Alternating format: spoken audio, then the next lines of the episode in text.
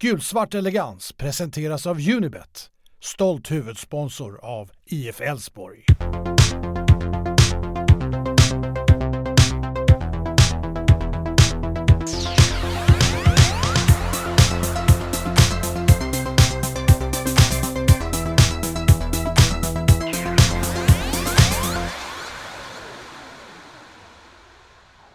Hej och välkomna till podden Gulsvart Elegans. Jag och Isak sitter här och sjunger upp oss lite. Eh, efter lite besked om just denna Oskar Hiljemark som vi har fått under dagen. Men jag tänker vi ska bara eh, snabbt presentera lite vad vi tänkte prata om idag. Vi har en liten Europaspecial för vi fick ju en lottning som eh, eh gick av stapeln ska man ju inte säga tror jag.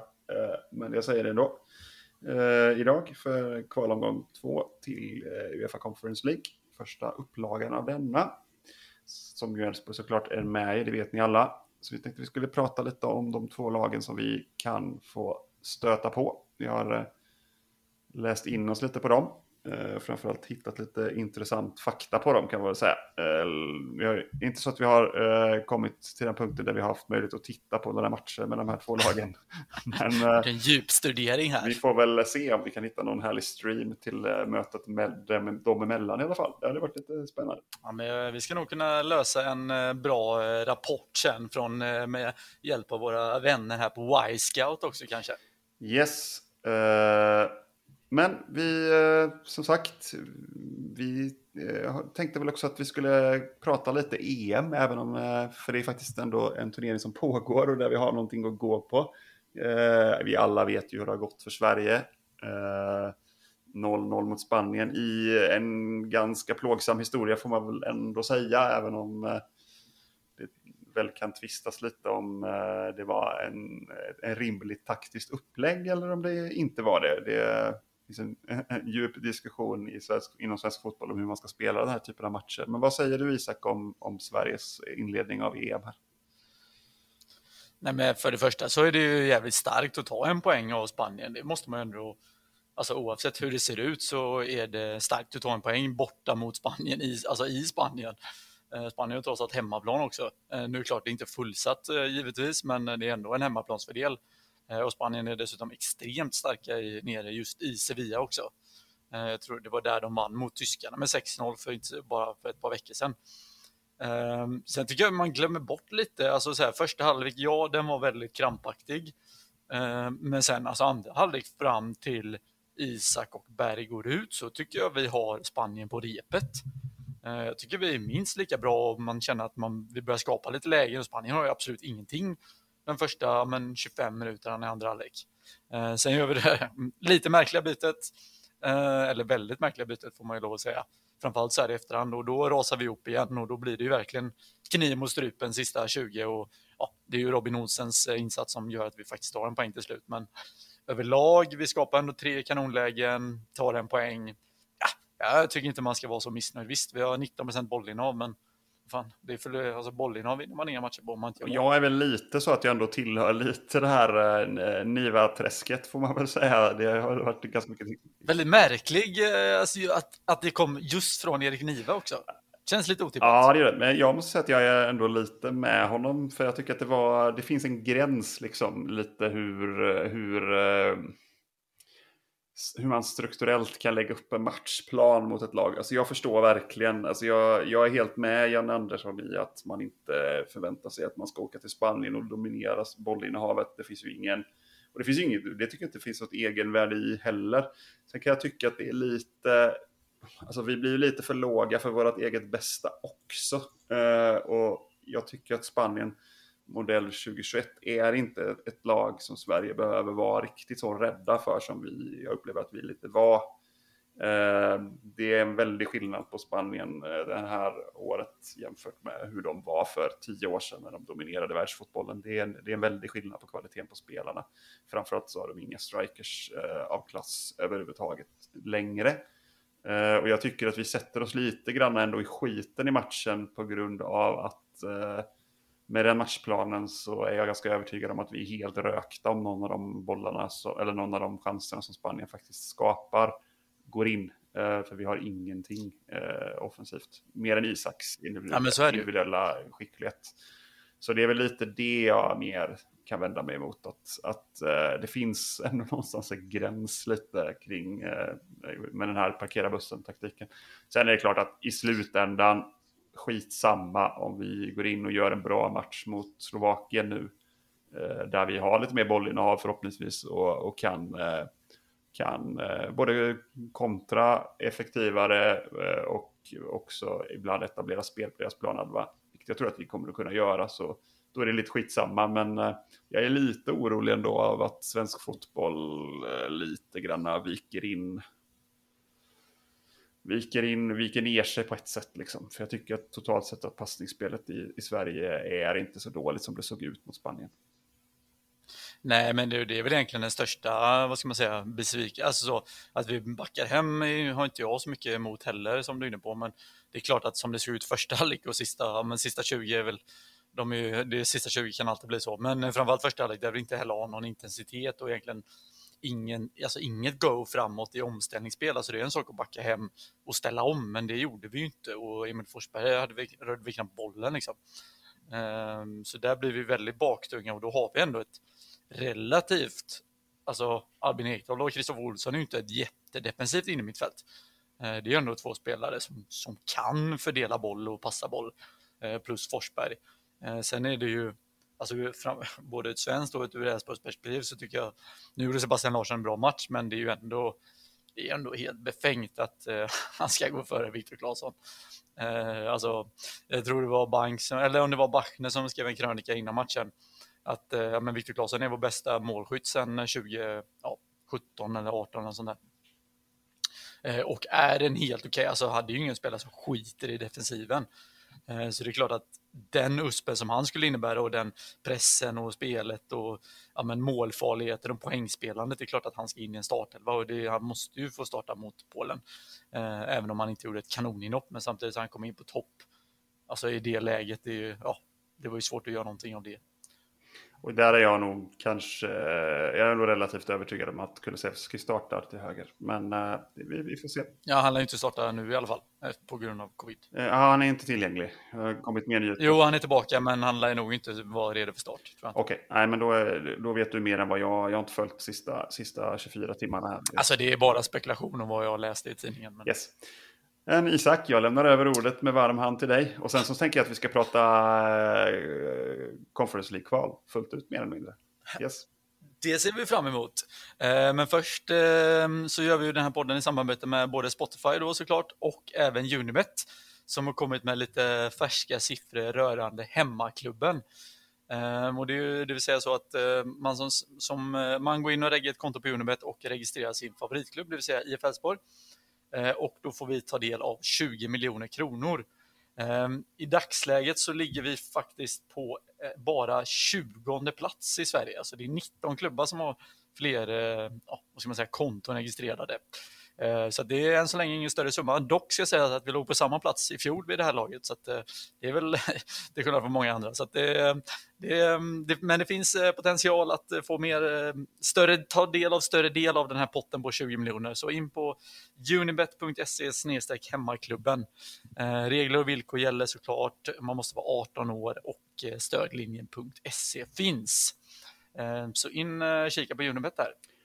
Yes, och som sagt under dagen fått reda på vilka vi möter i kvalomgång två. Och det blev så att vi fick möta ett av två lag. Så här är det två stycken lag som går in i omgång ett helt enkelt. Och då är det det moldaviska laget Milsami Orej och reservation för uttalet såklart. Eller FK Sarajevo, vilket ju väl kanske är ett lag man hört talas om någon gång lite mer. Eh, Milsami Orej måste jag erkänna att det är inget lag man har eh, lagt på minnet. Men däremot så har jag tittat upp lite, lite saker. Det finns ändå lite saker som sticker ut, eh, måste jag säga.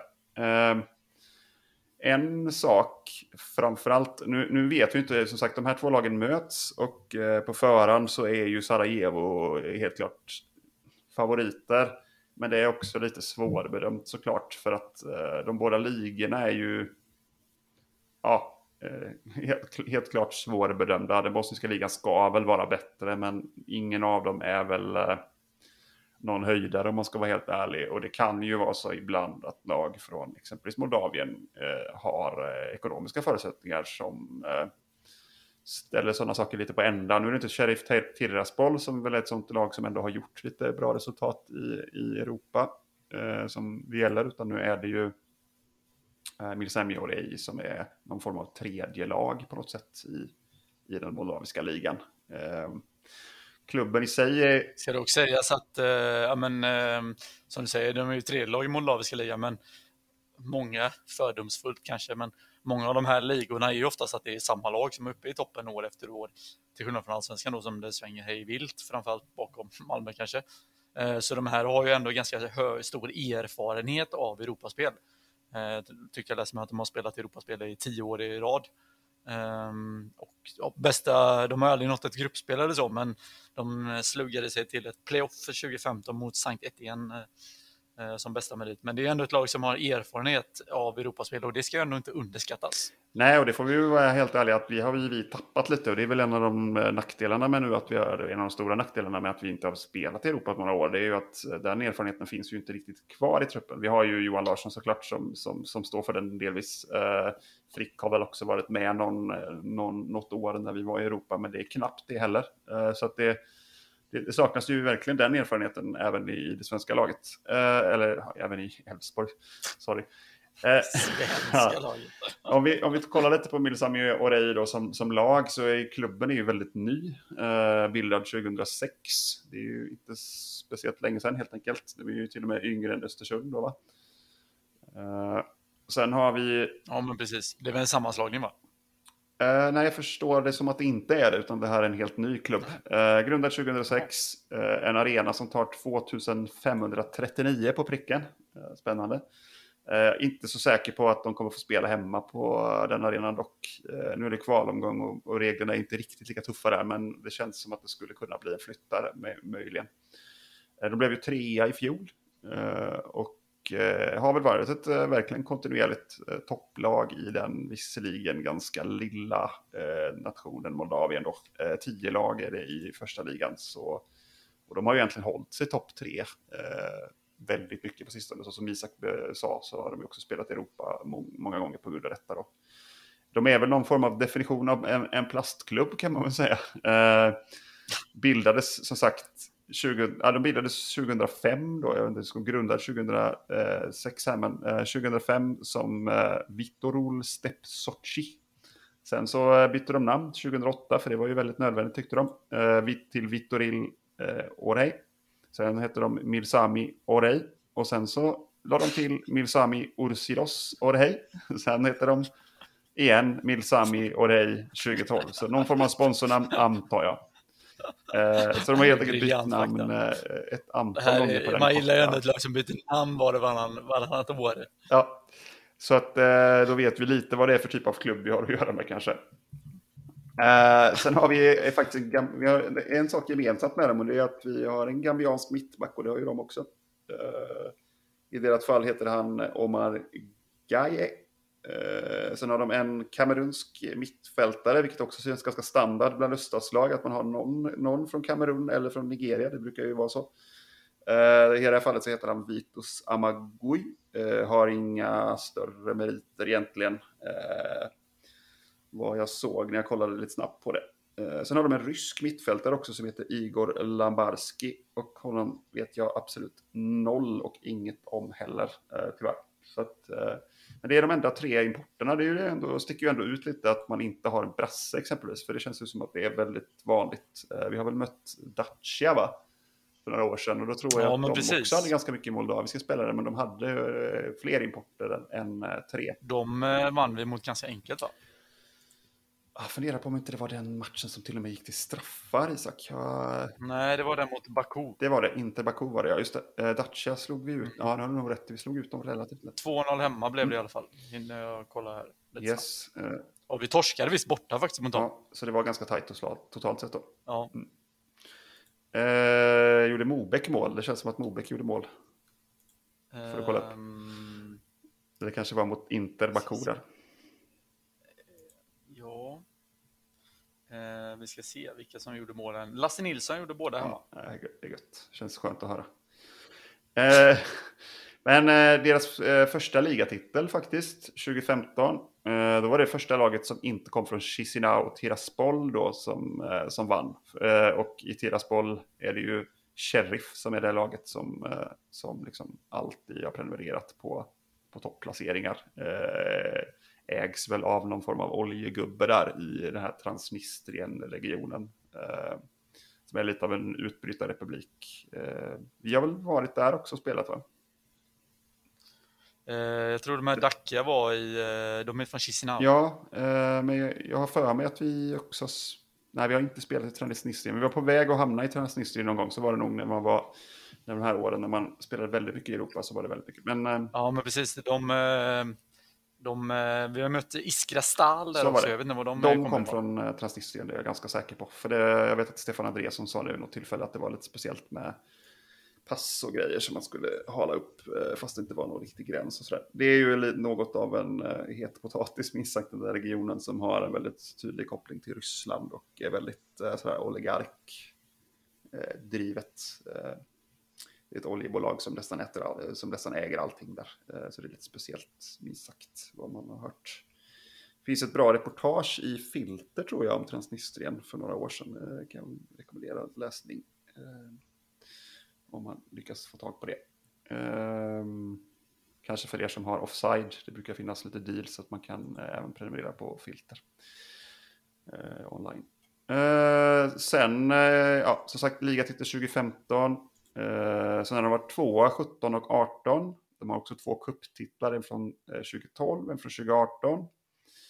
Eh, sen... Du får inte förringa deras eh, två titlar i den moldaviska supercupen ja, också. Ja, det, det, är starkt. Absolut starkt, starkt. är vi fortfarande lite sura för att vi blev blåsta på en av våra supercuptitlar när de ställde in supercupen det året? Som jag tror det var när vi vann guld, eller kuppen 2014 där som inte fick spela supercup. Nej, Nej. Den finns inte kvar väl, Supercupen? Va? Nej.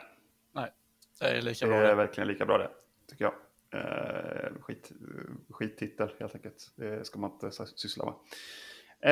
Eh, sen eh, så har de tagit sig till, till playoff, eller Q fyra qualifying round fyra i EL-kvalet en gång. Och då slog de faktiskt ut Ludogorets Raskrad som ju ändå är ett lag som har spelat både Europa League och faktiskt Champions League för några år sedan. Har jag för mig, för mig de mötte Liverpool i någon match bland annat. Så det är ju ändå ett lag som någon har hört talas om. Eh, sen har de ju också åkt ut två gånger mot Saint-Étienne, vilket är lite spännande. Eh, att man lyckas få den lotten två gånger, det är lite otippat. Uh, första gången de möttes var det 2013 där uh, saint Etienne slog ut dem med, med sammanlagt 6-0. Och uh, sen förlorade de med 2-1 totalt sett 2015. Så de hade ju åtminstone närmat sig där på några år. Man säga.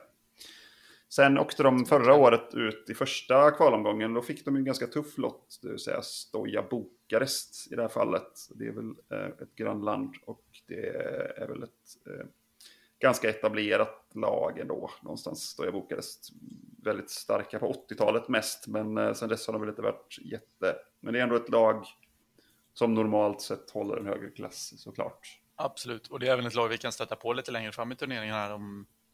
Vi hade ju kunnat få dem redan den här eh, lottningen ska sägas, eh, men de slapp vi. Yes. De är ju då rankade 250, eller 352 i Europa, vilket låter, låter det.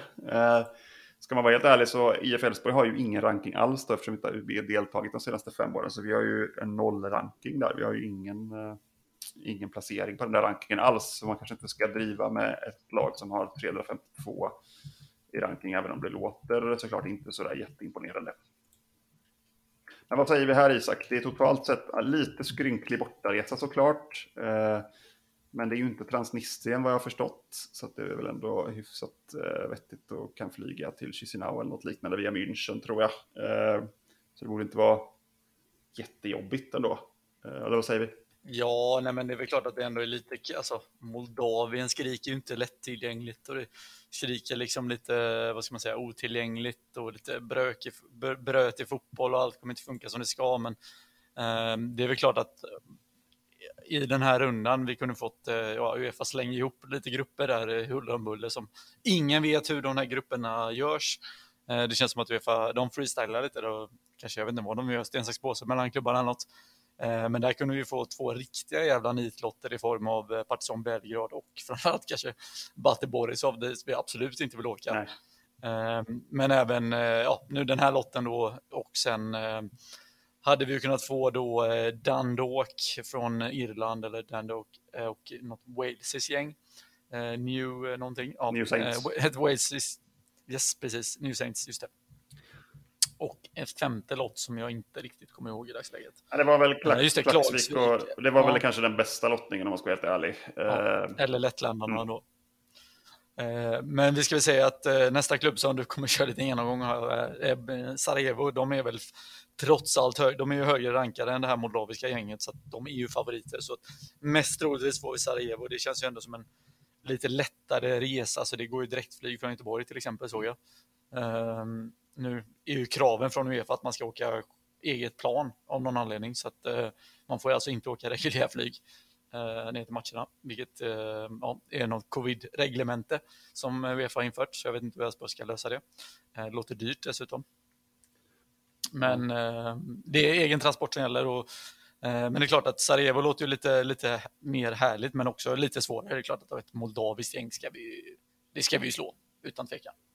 Absolut. Eh, men om vi pratar om Sarajevo då. Det här är ändå ett lag som har, eh, de har ju en historik som är helt eh, annorlunda. Här är det ett lag som är ändå grundat 1946. Hette visserligen då Torpedo Sarajevo. Som en hyllning till Torpedo Moskva, vilket ju kändes intressant. Men i alla fall, vi vet ju att det var lite speciella. Speci det är ju ett av de bästa prefixen måste jag säga. Mm. Torpedo och lokomotiv, det är ju mina prefixer på fotbollsklubbar. Ja, det, det, det, det, pirrar till lite mer än vad det gör på CSKA och Stoja måste jag säga. Eh, Dynamo, Dynamo, Dynamo känns tråkigt. Heller, ja, håller med. Mm. Ja. Ja, torpedo är riktigt ja, härligt. Lokomotiv och, och, och, och, Torpedo är bra tycker jag. Eh, på något sätt. Eh, yes. Men eh, det som sticker ut här är väl egentligen eh, deras ägare som är lite speciella. Eh, här har vi 30% ägande fortfarande av en malaysier vid namn Vincent Tan. Han är ju lite känd bland fotbollssupportrar i, på de brittiska öarna och därför också då i Sverige eftersom vi är Premier League-runkare hela bunten.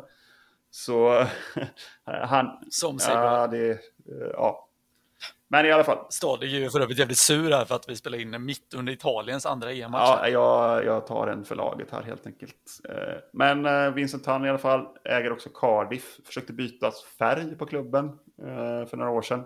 Han gjorde väl till och med det? Han gjorde det jag tror han bytte logga också till en drake om jag inte minns fel. Exakt. Och, för att röda drakar går hem i Asien var motiveringen. Precis, så det var rött och drake istället för en fågel någon form av bluebird eller något mm. liknande.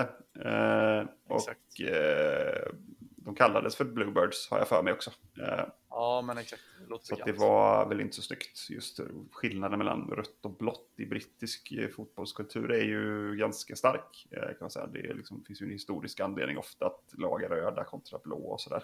Så det är ju lite eh, känsligt såklart. Och klubbfärg generellt är ju känsligt bland supportrar såklart av, av många anledningar. Men eh, just skiftet mellan rött och blått är faktiskt extra speciellt då, såklart i Storbritannien framförallt. Så att det, ja, det var ju inte så kul. Eh, han äger ju också då eh, Kortrik i Belgien. Eh, den äger han till 100%. Cardiff tror jag också att han äger till 100% medan här är det 30%. Han har ägt 100% av klubben men han har sålt eh, stora delar, 60 procent tror jag det var, eh, jag kollade, till en vietnames som heter Nguyen, Nyon Hoai Nam. Ursäkta mig för uttalet. Eh, han är tydligen någon form av eh, också eh, oligark, nu heter de inte oligarker kanske i Asien på det sättet, men eh, någon form av eh, rik knös skulle vi väl kalla dem. Konglomerat. Konglomeratägare, eller delägare av ett konglomerat som heter Win Group. Exakt. Som av någon helt outgrundlig anledning är bildat i Ukraina, men som är eh, av vietnameser då. Eh, det finns tydligen mycket vietnameser i Ukraina, vilket jag hade absolut noll eh, koll på innan jag kollade detta, så man lär sig mycket genom fotbollen helt enkelt. Men Win Group heter de i alla fall, tillverkar bland annat bilar med självkörning som, eller självkörande teknologi som de håller på med en del också. Eh, och sen håller de på mycket med mjukvara. Eh, Det är roligt att han är bara Malaysias 24 rikaste mannen då, trots att han är en miljard Ja, dollar. Malaysia är ju ett väldigt märkligt land. Eh, Han är på plats 1533 över eh, rikaste människor i världen. Eh, han har tappat, det här var 2015 då, så han har tappat sen dess ska väl tilläggas också, enligt Forbes. och det här var ju då Vincent Tan.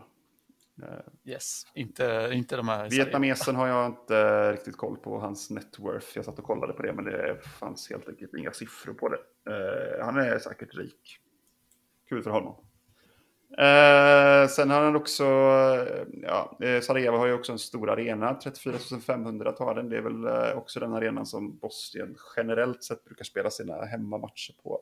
Eh, för det mesta i alla fall. Jag tror det.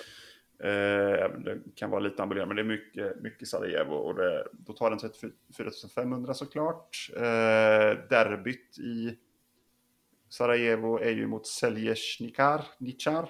Sorry, mina eh, Balkankunskaper när det gäller namn är ju sådär. Eh, och det drar ju mycket folk, men annars är det väl inte en jättepublik liga sådär, eh, den bosniska. Eh, de har eh, en del titlar. De har faktiskt två stycken jugoslaviska ligatitlar från den tiden. Eh, och sen har de också fem stycken bosniska ligatitlar, vilket ju är ganska imponerande ändå med tanke på att det inte är en liga som har funnits i så himla många år, trots allt. Har också tagit sex stycken kupptitlar under den bosniska eran här. Jag hittade inte hur många jugoslaviska kupptitlar de hade, men ja, det är ändå ett lag som var rankade sexa i Jugoslavien i deras maratontabell under den tiden det begav sig. Så, så det är ändå en, en, en liksom klassisk klubb någonstans från Bosnien. Då. Uh, deras största merit är väl att de slog ut, eh, nu ska vi se, Schenk blir det väl va?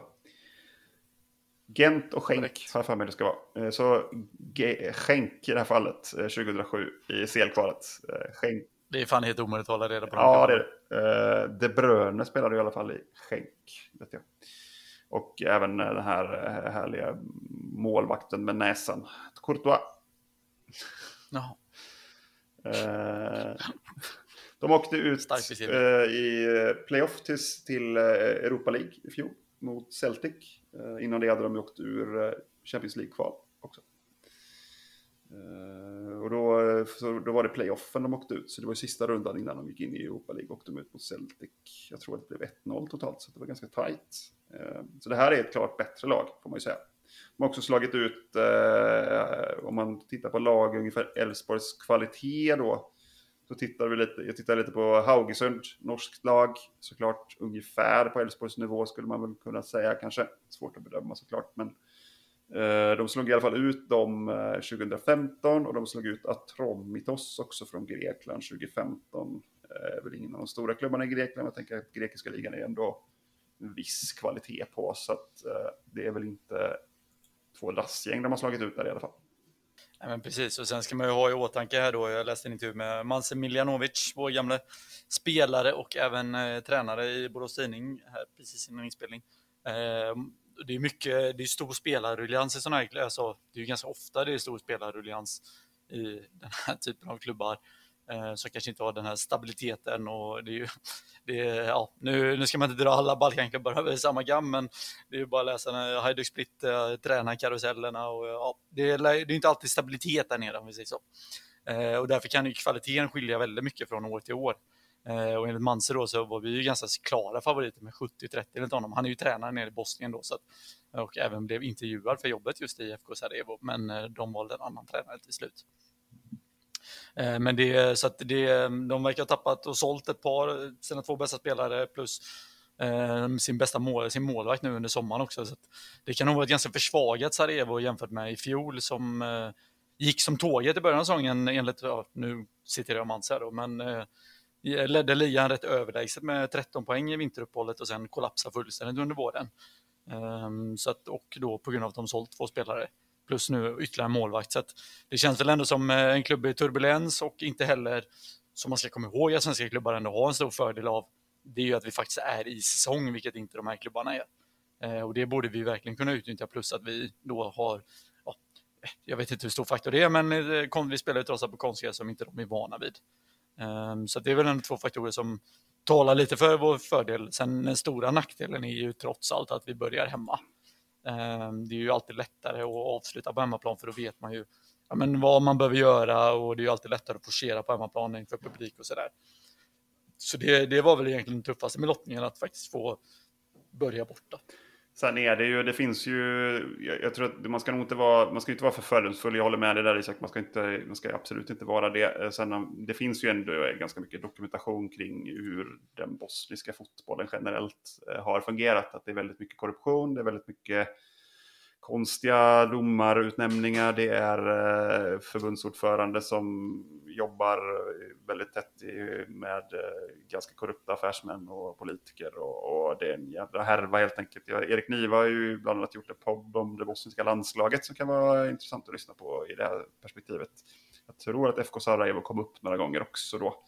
Att det är ganska mycket oegentligheter runt, eh, runt det mesta sådär. Att det finns en sån eh, liksom sordin någonstans kring, kring den bosniska fotbollen. Och det finns också, det är ganska vanligt med liksom, eh, publikbojkotter och publikprotester och, och supportrar som, som eh, som eh, liksom eh, vänder ragen, ryggen och sådär i vissa lägen för att det har varit väldigt, väldigt mycket eh, pampstyre helt enkelt. Eh, och Ja, men verkligen. Och jag menar, det är bara att kolla på de har ju haft ett väldigt starkt följe, det bosniska landslaget här då de sista tio åren kanske och det grundas ju egentligen på utlandsbosnier. Det är ju han, eh, nu ber jag om ursäkt här med att tappa namnet, men det är ju en Boråskille som eh, har varit eh, drivande i i ehm, ja, supporterskapet kring landslaget och det tyder också på att det inte riktigt funkar som det ska hemma på hemmaplan alltid för att det har varit ja, mycket korruption och folk kanske inte tappar intresset på grund av all korruption och sådär så, och alla oegentligheter som sker.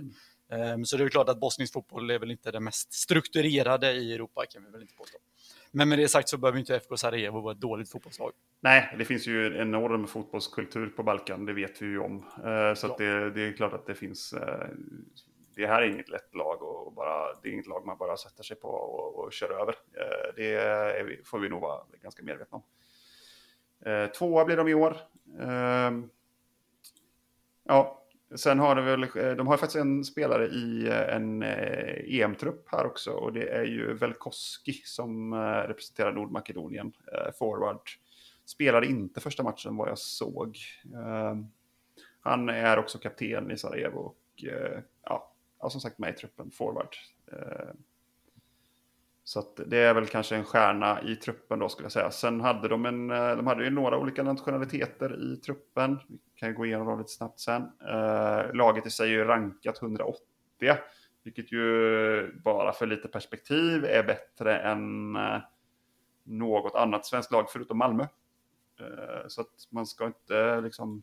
Malmö ligger ju i och för sig 80 då, vilket är väldigt, väldigt högt. Eh, det är en väldigt bra position. Det låter ju ganska lågt egentligen på ett sätt, men vi vet ju också att det finns, finns en hel del bra lag i de stora ligorna som är rankade bra mycket bättre än Malmö såklart. Eh, men... Eh, ja, och man ska komma ihåg att som sagt, vi har ju nämnt det här, vi är ju inte rankade alls. Och, alltså rent tekniskt så är vi ju inte favoriter mot något lag eftersom vi är osidade hela vägen. Precis. Eh, nu får vi ändå en klart överkomlig lott och det är ju sådana här matcher man måste vinna för att verkligen, ja men nycklarna, eh, jag rekommenderar verkligen alla att följa Uefa-rankan, eh, både på Twitter men även faktiskt köpa en prenumeration på Fotboll Skåne eller Fotboll Stockholm så att man får ta del av hans artiklar där. Och nyckeln i Europa är ju att spela i Europa flera år i rad just för att bygga rankingpoäng. Ehm, och det är bara Malmö som har gjort det egentligen. Och sen så, ja, AIK hade varit sidade, men nu har de inte spelat på två år. Så att de håller också på att tappa den lilla rankingen de började bygga upp. Ehm, så att det är ju verkligen nyckel och då måste man ju överprestera och vinna de här matcherna. För att vi ska, om vi skulle, skulle sluta topp tre och spela i Europa nästa år igen, för att vara sidade i den här rundan, alltså omgång två, så krävs att vi går till gruppspel och vinner typ tre matcher i gruppspelet. Eh, vilket känns ganska osannolikt just för att vi inte har någon historik. Däremot vinner vi en, två matcher i år, eh, kanske går till playoff, har lite otur med lottningen, åker där, spelar Europa nästa år och sen så kan jag göra det ytterligare några år, ja, men då kommer vi bli sidare och då är ju lottningen helt plötsligt jätteenkel i omgång två och tre i de här kvalen. Eh, och sen kan man få en nitlott i playoff, men då är det ju bara en match man behöver överprestera. Nu är det ju ja, nu är det egentligen tre omgångar vi behöver överprestera, även om just den här lotten är ju verkligen en lott som vi ska vinna. Yes, om vi tittar lite så vi pratade lite om det, om det tidigare med, med eh, vad vi faktiskt har för, eh, för nationaliteter och sådär i truppen. Det kan vara intressant att se i alla fall.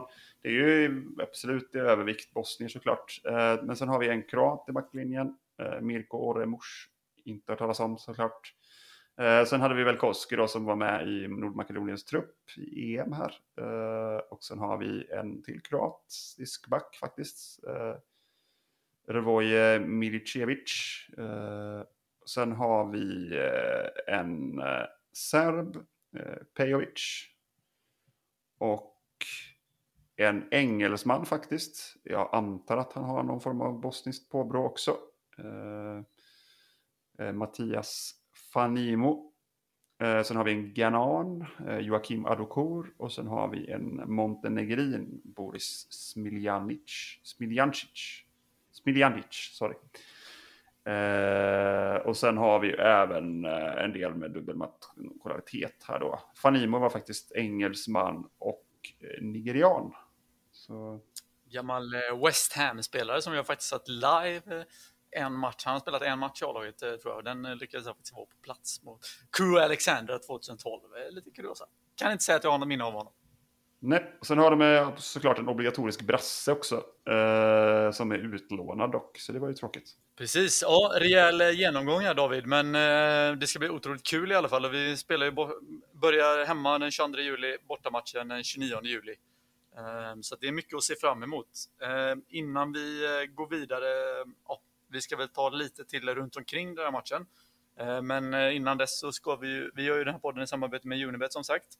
Eh, och just nu pågår det ju inga matcher i Allsvenskan som, där vi kan hitta lite specialspel på, men eh, det pågår ändå ett EM-spel och det här är ju en Elfsborgspodd så att eh, vi hittar ju såklart EM-tips med Elfsborgs koppling. Eh, och då, vi har ju tidigare sagt att Claesson ska bli bästa målskytt och då behöver han börja göra mål.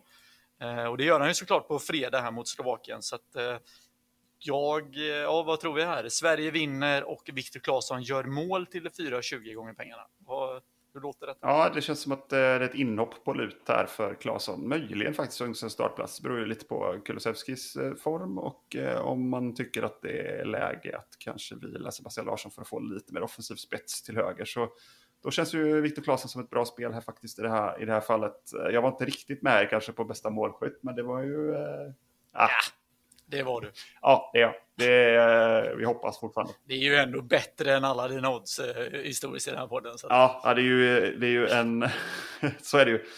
Det är en oändlig procent av Sveriges mål om han eh, faktiskt gör, gör rätt. Så det blir bra. Exakt knappast drösvis med mål. Eh, regler och villkor gäller såklart 18 eh, år och stödlinjen.se. Vi hade också en lyssnarfråga när det gäller eh, Europaspelet där som vi inte får glömma. Ta du den Isak? Ja, nej, men det var helt enkelt vilket lag vi föredrar av de här två. Alltså det vill säga Bosnien eller Moldavien. Och då, då känner jag ju att, eh, spontant att det moldaviska laget bör vara svagare. Eh, men klart, slår de ut Sarajevo så är det en annan sak. Men det känns ändå som att det borde vara en bättre lottning. Eh, visst, det kanske är lite lättare att ta sig till Sarajevo rent eh, flygmässigt. Men om vi nog ändå ska chartra ett plan och måste göra det så kan vi lika gärna sätta ner det i Chisinau. Så eh, kör på det. Ja, nej men eh, det är väl klart att Moldavien sportsligt är eh, bättre och nu när sagt, vi kan glida över på det också sen direkt, men nu när det inte är någon publik eller borta publik tillåter och inte heller att vi får, alltså hade vi spelat i, i Borås mot Sarajevo så hade det ju säkert kommit några hundra bosnier, eh, skulle jag misstänka. Eh, men nu, ja, vi får se om det går. Klart, de kan vi köpa biljetten då. Men, eh, så det är klart att det här moldaviska laget ska väl vara enklare att slå ut. Eh, men ska vi ta lite snabbt om publikfrågan ändå? För det var ändå lite intressant tyckte jag. Nu, nu har inte, alltså så här, om man kollar, Uefa har ju förbjudit all, publik, all bortapublik i hela kvalet här, alltså både för Conference League, Europa League och Champions League. Eh, nu är det klart att med covid så förstår man ju att det är lite regler och sådär. Eh, men jag tycker ändå det är jävligt märkligt beslut av Uefa att ja, men så här, i ena, ena vågskålen så har man tvingat EM-städer att ta emot publik eh, där man verkligen kräver att nu ska ni ha publik och det ska vara flera tusen från olika länder som åker kors och tvärs över hela kontinenten. Och sen i nästa skede så ja, men då förbjuder man publik för att minska smittspridningen, vilket It doesn't make any sense whatsoever. Ehm, det är ju EFA-logik i ett nötskal. Nej, och jag menar, jag hade kanske köpt, jag håller med dig där Isak, jag hade kanske köpt att man inte eh, ska åka i år. Det kanske är läget att hålla sig hemma. Ehm, men om man nu bestämmer sig för att slå på så att det är okej att åka, då blir det ju svårt. Liksom. Det blir ju Ja, jag tycker det känns märkligt. Sen förstår jag ju såklart att det inte sitter 90 000 på Wembley. Liksom. Det har jag absolut full förståelse för och det är inga konstigheter. Men, men eh, ja, jag är med dig Isak. Det känns konstigt. Ja, och framförallt så det är klart, alltså, det borde ju, alltså, jag hade nog inte heller åkt, framförallt inte innan man är vaccinerad och sådär. Men framförallt så det borde väl vara upp till varje land att bestämma och varje klubb. Eh, absolut. Så. Eh, det är väl en sak att man inte kan kräva att det ska finnas bortasupportrar för att, ja, på grund av covid såklart. Det är ju ett speciellt år, men Alltså känner man att en klubb har möjlighet att ta emot bortasupportrar och det finns, alltså landet tillåter folk att resa in till landet så ja, varför skulle man inte då få åka på en fotbollsmatch? Eh. Nej, och det, det, är ju och det är väl den här eh, dubbelheten som, som vi väl också känt lite grann i Sverige. Liksom att vissa typer av evenemang är helt okej, okay, men vissa är absolut inte det och det finns ingen riktig logik i, i vissa beslut. Så att det är väl eh, en, en fortsättning på det. Uh, och jag tänker mig att det har väl alltså, när det gäller Uefas... Eh, eh, It's all about the ja, cash. Det är, ju, det är ju så enkelt. Och det är jävligt tråkigt. Liksom. Man, man, man tycker generellt sett att det är liksom... Alltså det är uppseendeväckande det här att lägga matcher i Baku exempelvis. Det är ju verkligen, alltså man ser ju, det, det är ju en skitarena liksom. Det, är ju, det finns ju ingen, det är ju, den är ju inte byggd för stämning. Det är långt som fan till plan, den är ju sämre. Alltså Olympico har ju någon form av skärm, den har ingen skärm överhuvudtaget heller. Det är ju nästan ingen som verkar vilja gå på matcherna där. Bortasupportrar har skitsvårt att ta sig dit. Det är verkligen det är varmt som tusan. Det liksom ligger ju helt fel för alla andra spelorter. Alltså ja, det är, det är så genomskinligt någonstans att man inte åtminstone kan kan eh, vara korrupt på ett lite snyggare sätt kan jag känna. Det är, eh, det är uppseendeväckande hur man kan vara så tondöv hela tiden. Ja, och det är också det som gör, alltså så här, jag vill inte vara någon pretentiös liksom ståplats allsvensk-supportrar som gnäller på allt. Men det är det som gör att det är, fan, det är lite, jag måste säga att det är lite svårt att tända till eh, när det blir allt för mycket sådana här grejer, framförallt mästerskap och internationell fotboll. Alltså, jag älskar ju mästerskap i vanliga fall, men det här med att det ska spelas, jag har ingen aning om var matcherna spelas. Alltså, så här, igår satt jag och kollade Frankrike-Tyskland och trodde matchen var i Frankrike. Mm. Förrän jag såg att det var... Frankrike stod ju som hemmalag också. Så att... Ja, men exakt. Och det ekade lite franska sånger på läktaren och tänkte ja, nu är det i Paris eller det var en Marseille-ramsa som rullar. Tänkte jag, fan, de kanske är på velodrom, men eh, det var de inte. Så att eh, nej, Uefa, det är... Eh, de försökte samla mycket cred-poäng i samband med hela den här superliga-fadäsen som var i ja, för några, någon månad sedan nu och Uefa skulle framställa sig själva som the good guys. Eh, men det måste vi alla komma ihåg och alla som lyssnar på den podden hoppas jag vet det att eh, Uefa är ju sannerligen inga good guys. Nej, jag menar ska man sprida ut mästerskapet så hade jag ju hellre sett att eh, Nordmakedonien fick en hemmamatch då liksom. Det hade varit roligare på något sätt. Ja, alltså bara är inte ens med i mästerskapet. Nej. Nej, det är, nej, det är helt... Det var ju också, jag tror det, det gick väl, det var väl så att Baku tror jag det var det som snodde matcherna från Friends. Vilket i och för sig eh, var lite roligt att Friends inte fick några matcher. Men eh, eh just då för att, på grund av förbundet. Men eh, jag tror det var Baku som fick de matcherna istället på grund av bättre korruption och sen så var ju Karl-Erik sur då så han nästlas sig in i den här exekutiva kommittén och vice ordförande och allt vad han nu har för titlar. Så att, eh, ja, det finns mycket att nysta i även i svensk fotboll. Vi sa att bosnisk fotboll var lite kaos innan och det, vi ska säga att eh, svensk fotboll är ju inte, det är inte kaos på det sättet men det är ju sannerligen inte rumsrent alla gånger heller. Nej, och jag är så jävla trött på hela den här eh, att man inte kan ta någon form av statement mot uh, mänskliga rättigheter-problemen som finns i Qatar exempelvis, men också Azerbajdzjan. Alltså det är så svagt så att jag vet inte vad Ja, det är man, pinsamt. Vad man ska säga ens. Azerbajdzjan, det var en uh, intressant artikel, eller artikel, men reportage i senaste offside faktiskt, på tal om offside. Mm. Eh, just från en region i Azerbajdzjan, eh, Karabach, mm. eller ja, region mellan Azerbajdzjan och Armenien. Yes. Eh, det har faktiskt varit ett regelrätt krig här nu under höst, så sent som i höstas med över 10 000 döda. Så det borde också betyda att mästerskap inte ska spela i ett land där det pågår ett ja, mer eller mindre inbördeskrig eller vad man nu vill kalla det regionen eh, i Karabach. Jag vågar inte riktigt säga om den tillhör Armenien eller Azerbajdzjan, men Nej. den ligger ju däremellan. Ja, det är ju en omstridd region, Nagorno Karabach där, som det har varit, eh, varit mer eller mindre latent eller krig i 30 år snart. Eh, så att det, är, det är verkligen speciellt. Och det är väl som vanligt olja och naturgas och skit som, som ligger där. Det är väl bättre att spränga bort den skiten och, och slippa det problemet för en gång för alla kan jag säga. Ja, eh, men... eh, på Eh, om nu menar jag verkligen inte att man ska spränga människor. Där vill jag vara väldigt tydlig här. Nu blev det kontroversiellt här. Eh, Men jag, kommer är- ut som, jag är eh, ganska trött på hela ja, det här med att ha, ha mineral och oljetillgångar är ju inte direkt en, en fantastisk framgångssaga i de flesta länder som har det. Så det är väl Norge som är undantaget, men annars är det rätt så kass att ha det. Så att, eh, Ja, det brukar ju inte främja demokrati. nej, uppenbarligen inte. diplomatiska. Eh, nej, det, jag håller med. Men det är tråkigt med inga, inga bortasportrar. känns ju väldigt trist i kvalet. Det var väl kanske ganska väntat, men, eh, men ändå trist och eh, inkonsekvent. Jag håller med dig, Isak. Ja, absolut. Eh, man hade ju ändå hoppats, eh, nu går ju i alla fall vaccin, vaccinationen för min ålder går ju lite långsamt så jag hade nog inte hunnit bli vaccinerad ändå. Men det är klart att man har hoppats eh, lite längre fram i kvalet att få, alltså jag menar vissa länder har ju faktiskt inte så mycket covid och släpper in folk och sådär. Så att, eh, någon förhoppning hade man ju ändå på att få åka på en kvalmatch. Eh, men vi får väl sikta på att ta oss till gruppspel så att vi kan gå på matcherna. Men, och det som ändå är positivt är ju att eh, åtminstone det ser ju väldigt lovande ut att få gå på hemmamatcherna Eh, i såväl Europaspel som eh, allsvenskan. Här. Det har ju kommit ganska mycket publiknyheter senaste veckan bara faktiskt. Ehm, rörande, ja men, vad ska man säga, ehm, alltså restriktioner rörande publik. Eh, de öppnade ju redan här för ett par veckor sedan om att det skulle bli 3000 personer här då från 1 juli, vilket verkar bli mer eller mindre bekräftat som jag har förstått som. Men så kikar de ju även på att släppa in ännu mer än 3000, det vill säga att man kan dela upp arenan i olika sektioner och så sätt ha 3000 personer per sektion om sektionen tillåter. Eh, kraven är ju att sektionen ska vara helt frånskilda varandra eh, och inte dela ja, men, gemensamma utrymmen, det vill säga toaletter och gångar och kiosker och så den typen. Eh, och det är klart att en arena som Borås Arena är ju, det är ju ganska lätt att särskilja eh, folk från Ålgårdsläktaren och Sjuhäradsläktaren. Det finns inga gångar däremellan. Ehm, så att det är väl positivt. Ehm, och det öppnar ju faktiskt upp även för bort, alltså egentligen för hemmasupportrar och bortasupportrar. För om man har den, alltså att man delar upp arenan i sektioner, vilket såklart, alltså det har ju allt, arenan har alltid delats upp i sektioner. Det har ju inte varit några konstigheter. Det finns ju familjeläktare och hemmastå och bortastå och VIP-sittplatser och ja, allt möjligt. Ehm, Så det är ju inga problem.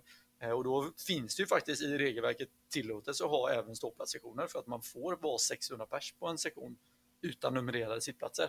Men eh, som eh, jag har förstått, eller som jag hade lite skrivit med Mats Enqvist som är generalsekreterare på SEF, eh, så är nog inte det aktuellt i första taget och det kan jag väl ändå, det kan jag faktiskt förstå just för att man vill nog inte ha den eventuella PR-misären det skulle bli av att folk trängs i en klack. Även om man kan hålla avstånd så är det inte säkert att en ståplatssektion lyckas hålla avstånd. Ehm, så att det kan jag väl ändå förstå att man kanske inte öppnar upp ståplats i första läget. Men eh, väldigt positivt att eh, det faktiskt kan bli upp mot ja, då minst åtminstone 6 000 på Borås Arena. Ja, egentligen direkt efter återstarten. Ja, det är extremt bra nyheter såklart. Eh, då blir det ju liksom, då blir det att gå på fotboll i år, vilket man ju nästan hade gett upp hoppet på. Så att, det- äh, man hade väl bild av att det skulle kunna gå, men, men ändå. Det var lätt att misströsta här i våras. Det var tungt helt enkelt att inte kunna gå. Så det känns ju Verkligen. superkul verkligen att det, att det kommer öppnas upp en sån möjlighet. Eh, och för de med säsongskort såklart. Eh, det, man har väl fortfarande möjlighet att köpa säsongskort. Eh, gör det om man inte har gjort Eh, det. Ja, för då är, den här veckan. är du i princip garanterad att kunna gå. Så det är ju Och då ingår ju dessutom de två första matcherna i Europaspelet. yes. Och även förtur till dam. men sen ska- tror jag, va?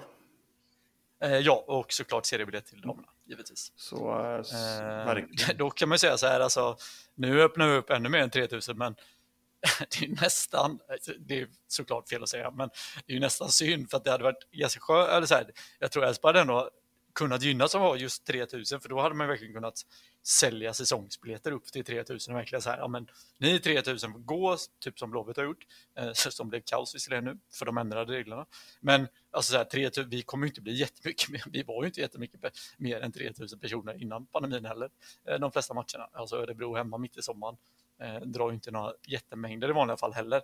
Eh, men det är klart, givetvis, ju mer publik desto bättre och eh, alla som vill se på Elfsborg kommer ju få möjlighet att se på Elfsborg, vilket vi ska vara väldigt glada och tacksamma för efter det här skit ett och ett halvt året som har varit. Verkligen. Ja, det känns eh, verkligen som att man får livet tillbaka på ett sätt här. Att det börjar, börjar släppa upp lite, var, lite här och där. Eh, men det här är ju en av de sakerna som har varit segast att släppa upp på. Så det känns ju väldigt skönt att kunna och kunna se fram emot det, för det är inte så långt kvar nu heller. Det är härligt. Ja, eh, sen hade vi en stor annan... Um, David, ska ja. vi... Vad sa du? Vi hade en annan stor nyhet som, som droppade här idag. Nämligen att våran gamla, eh, gamla och gamla, men våran, eh, våran spelare, tidigare spelare Oskar Hiljemark lägger av. Eh, bara 28 år gammal och det är på, såklart på grund av skador. Eh, återkommande skador, mycket ljumskar som jag förstått det va? Höft, höft tror jag till och med. Uh, ja, jag för mig det var både och. Men ja, absolut, höft. Vi tar höft. höft är taget. Uh, Han gjorde höftoperation i alla fall. Såklart så att, oerhört uh... tråkigt. Uh, 28 år, ingen ålder på en häst och inte en fotbollsspelare heller. Så det är väldigt, väldigt trist. Um, ja, på en häst kanske det är en ålder va? Jag vet inte. Jag är dålig på hästar. jag tror det. Eh, jag tror faktiskt det är det. Eh, nej, men jag ska säga, alltså det är ju jättetråkiga nyheter för mig, alltså personligen så är nästan Oskar Hiljemark en av mina absolut största favoritspelare i Elfsborg ja, men genom tiderna för att han kom verkligen upp i den tiden där man själv eh, var, började bli väldigt fotbollsintresserad. Alltså, han slog ju igenom ja, egentligen 2011 då, men han var ju även, gjorde ju några debut 2010 där också. Men det är ju en sån spelare jag har följt hela vägen sedan Gothia. Han var ju totalt dominant i Gothia Cup i egentligen två år. Ehm, just en spelare som han, kanske en av de första spelarna, kanske tillsammans med Emir Bayrami och till viss del Niklas Hult också kanske. Ehm, men sån där spelare som man hört talas om innan de kommer till A-laget. Ehm, och det, det finns säkert många spelare innan dess också som man, folk hade gjort det som var insatta, men det var inte jag vid 14 års ålder, hade inte jag koll på vilka som spelar i juniorlagen så sett. Um, så att, eh, och sen så guld, alltså guldsäsongen 2012 var han ju instrumental och kanske tillsammans med Anders Svensson och ytterligare några till. Alltså, han var ju en av seriens absolut bästa spelare den säsongen. Uh, tillsammans med Anders så bildade han ju det bästa innermittfältet som uh, ja, men, topp. Alltså, det blir inte mycket bättre i Allsvenskan. Ja, det är ju ett av de uh, bästa minnena jag överhuvudtaget har i alla fall på en bortamatch skulle jag säga, det är ju när eh, han tofflar in bollen på stopptid eh, mot Gais. Eh, tredje matchen från slutet var det väl va? Eller var det näst? Jag tror det. Ja, precis. Det var ju i princip den matchen som gjorde att vi fick en guldmatch hemma på arenan i alla fall. Och, då hade Lasse bränt en straff och så på övertid så, så får Iljemark bollen studsar ut från en retur tror jag och han tofflar in den. Det är verkligen inte knappt styrfart på bollen på något sätt men men den sitter där och äh, det var fantastiskt. Precis framför klacken också såklart. Äh, på borta, borta läktaren där. Så det var riktig extas i det läget. Äh, så det är ett av de bästa minnen man har faktiskt äh, med Elfsborg. Så äh, det kommer man aldrig att glömma. Nej, verkligen. Nu, nu missade jag ju tyvärr den matchen för jag bodde i London då. Men, äh, men ja, alltså verkligen. Och han ska ju dessutom komma ihåg att han hade, har ju ändå haft en väldigt fin utlandskarriär också. Han var ju väldigt bra i PSV Eindhoven. Eh, gjort en, eh, jag tror, tre, fyra, fem säsonger i Serie A. Eh, jag minns han ju väldigt tydligt också från U21 EM-guldet 2015.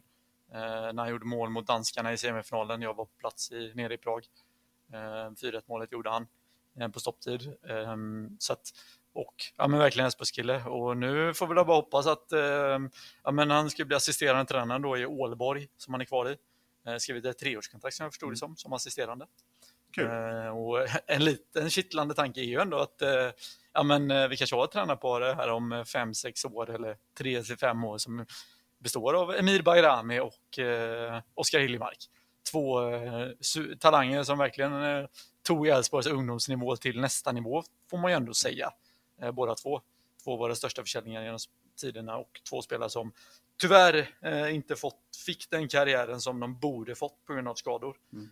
Eh, så det vore väl väldigt fint om de kunde göra en, eh, en retorno, för att eh, prata italienska språket. Och, på, ritorno till och med, eh, på tränarbänken istället. Så eh, det hoppas man ju och all lycka till Oskar i i den framtida karriären som tränare. Man gör en ritorno efter en gavetta, så är det. De där termerna kan du bättre än vad jag Ja. kan. Uh, Nej, vi ska inte, vi ska inte hålla på med det. Uh, men i övrigt, uh, silly season. Uh, per Frick har ju väl kommit lite halvtrevare om att det eventuellt, ja, det är väl ingenting nytt egentligen. Uh, men det, det pratas väl om att han eventuellt är lite sugen på att gå utomlands. Vi får se helt enkelt. Det är väl inte så mycket. Det ligger ju mycket på, på Per själv såklart. Eh, och det var- det hade varit fantastiskt att ha kvar honom. Men jag kan också förstå att man, man vill prova något annat någon gång under sin karriär. Och då är det chansen nu någonstans. Eh, så att man kan ju förstå honom eh, till fullo tycker jag. Ja, verkligen. Eh, Så får vi se vad som dyker upp. Eh, Och som sagt, det kom ju en intervju där i Fotboll Direkt, men det var ju egentligen inga nyheter så sett. Så att eh, de för lite diskussioner och ja, vi får väl se vad som händer helt enkelt. Men jag tror väl ändå att det kommer något beslut här inom ett par månader kanske. Jag tror inte Per Frick går till slutet av säsongen utan att veta vad han ska göra. Sen hade vi också en intervju med Sebastian Holmén i BT idag och det är väl egentligen bara, han ekar väl lite grann av det vi har pratat om och trott på. Det är väl att han, han är väl inte riktigt aktuell att eh, återkomma till allsvenskan riktigt än, men den dagen han vill återkomma till allsvenskan så är det ju Elfsborg som gäller. Ungefär. Eh, ja, precis. Eh, och eh, ja, det var inte aktuellt i dagsläget och det, det insåg man väl själv att han, han är väl lite för bra och lite för, lite för ung fortfarande för att, eh, ja, men för att vända hem redan nu. Yes. Sen har vi hört också att det finns lite, det var några datum här när det gäller damernas match, matchsläpp av damernas biljetter. Det var en vecka innan match som jag förstod det, eh, som de skulle komma ut. Så eh, häng, eh, håll, håll lite koll på det. Det är ju den 29 tror jag de ska spela, va? Det var 28. Ja, men precis 29. Eh, och ni som har, och det är egentligen enda sättet att gå på den matchen är att köpa seriebiljett. Mm. Och då måste man anmäla intresse, så gör det. Det kommer ju bli en sjungande sektion på Borås Arena. Vilken sektion? Eh, Ingen aning. Eller det är det ingen som vet. Det får vi väl se. Det kommer nog inte bli Elfsborgssläkten i alla fall, utan någon, någon av Sjuhäradarna eller Ålgårdssläktaren och det kommer ju såklart gälla då samma i, i de allsvenska matcherna som eh, börjar i juli igen då. Ehm, ståplats Ståplatser lär ju inte vara aktuellt i, i början eh, den här sommaren, men eh, definitivt goda chanser till hösten. Så att, köp seriebiljett på sjungande sektion så kommer vi ja, två veckor ses på Borås Arena och det känns ju fantastiskt bra. Verkligen. Det ska bli riktigt, riktigt häftigt. Så, eh, och verkligen ta chansen nu och se, för vi har ju inte kunnat se damerna spela överhuvudtaget, vilket är jävligt tråkigt. Så det kommer bli historisk händelse eh, på alla sätt och vis. Verkligen. Ska vi säga då Isak, heja det gule, Hej är det Gule, framåt för seger. Ha det bra. på återhörande. Ja, hej hej.